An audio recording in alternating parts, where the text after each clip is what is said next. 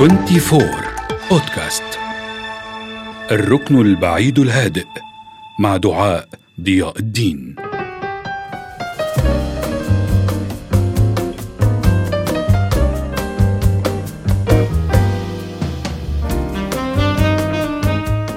أهلا بكم أصدقائي في الحلقة السادسة من بودكاست الركن البعيد الهادئ.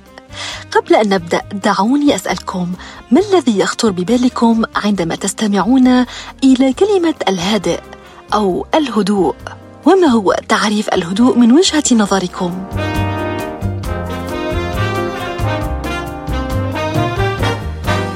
الهدوء ببساطة يا أصدقائي هو القدرة على تجنب التوتر والقلق والسيطرة على الغضب أعرف أن الأمر ليس بهذه البساطة ولكنه ليس مستحيلا.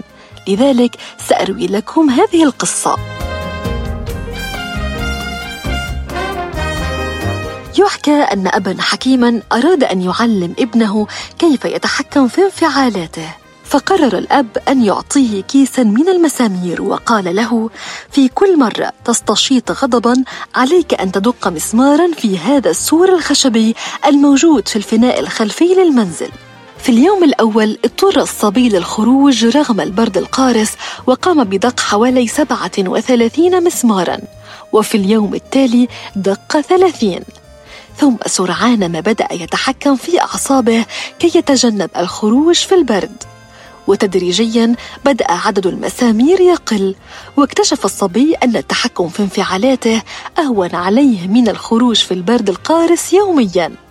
وبالفعل تمكن الصبي من أن تمر عليه أيام لم يعد يغضب فيها أبدا أو بالأحرى صار يملك نفسه عند الغضب. فأخبر والده الذي سر كثيرا بهذا الخبر ولكن لم تنتهي القصة إلى هنا. وقال الأب لابنه الآن أريدك أن تقتلع مسمارا واحدا في كل يوم تمكنت من أن تضبط فيه نفسك حتى تقتلع جميع المسامير. ففعل وبعد أن انتهى اصطحب الأب ابنه إلى السور الخشبي وأشار إلى آثار المسامير الناتجة وقال لقد أحسنت صنعا يا ولدي ولكن انظر إلى ما أحدثته تلك المسامير من ندوب. وكذلك الحال حينما تنفعل وتغضب فإن كلماتك القاسية تترك ندبا في روح أحدهم. حتى وإن أتبعتها بالاعتذار سيبقى بعضها مثل جروح لا تندمل. المغزى من هذه القصة الرمزية أن السيطرة على الانفعالات الحادة ونوبات الغضب يمكن أن تتحقق بالتدريب. إذا الهدوء صفة مكتسبة يمكن تعلمها والتدرب عليها. والآن سؤال قد يخطر ببالك: هل الوراثة تلعب دورا؟ نعم للوراثة دور، فعلماء النفس يقولون إن صفاتنا الشخصية هي نتيجة تمازج صفاتنا الوراثية مع بيئتنا المحيطة. ورغم ذلك يمكننا أن نتعلم فن الهدوء والسيطرة على الغضب والآن هل أنت مستعد للسيطرة على غضبك إليك سبع نصائح حددها عدد من أطباء النفس من مستشفى مايو كلينيك الأمريكي. أولاً فكر قبل أن تغضب. فخلال نوبة الغضب انتظر لحظات قليلة لتجميع أفكارك قبل البوح بأي شيء. وكما يقول سقراط دواء الغضب الصمت. ثانيا عندما تهدأ عبر عن مخاوفك. فبمجرد أن تفكر بوضوح وتهدأ عبر عن إحباطك بطريقة حازمة ولكن غير تصادمية.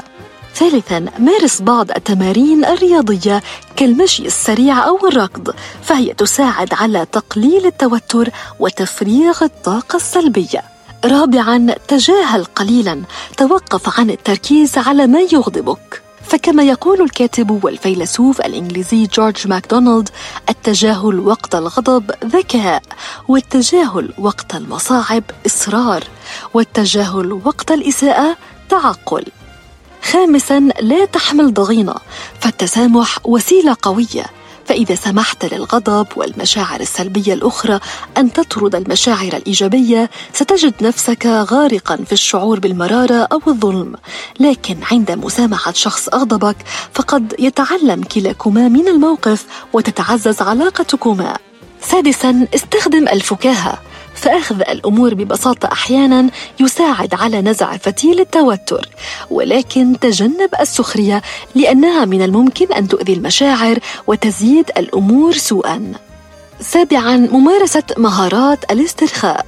عندما يشتعل غضبك إلجأ إلى استخدام مهارات الاسترخاء كتمارين التنفس العميق أو تخيل مشهدا يساعد على الاسترخاء أو كرر كلمات أو عبارات مهدئة مثل أنا بخير سيمر الأمر سريعا أنا قادر على تخطي الأزمة. يمكنك أيضا الاستماع إلى الموسيقى كما ذكرنا في الحلقة السابقة.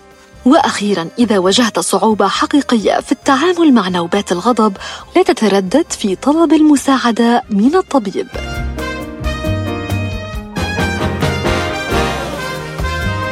أنت أيضا يا صديقي شاركنا كيف تتعامل مع شعور الغضب؟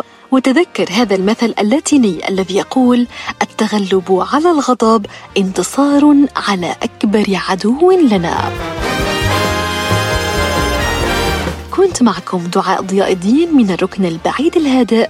إلى اللقاء.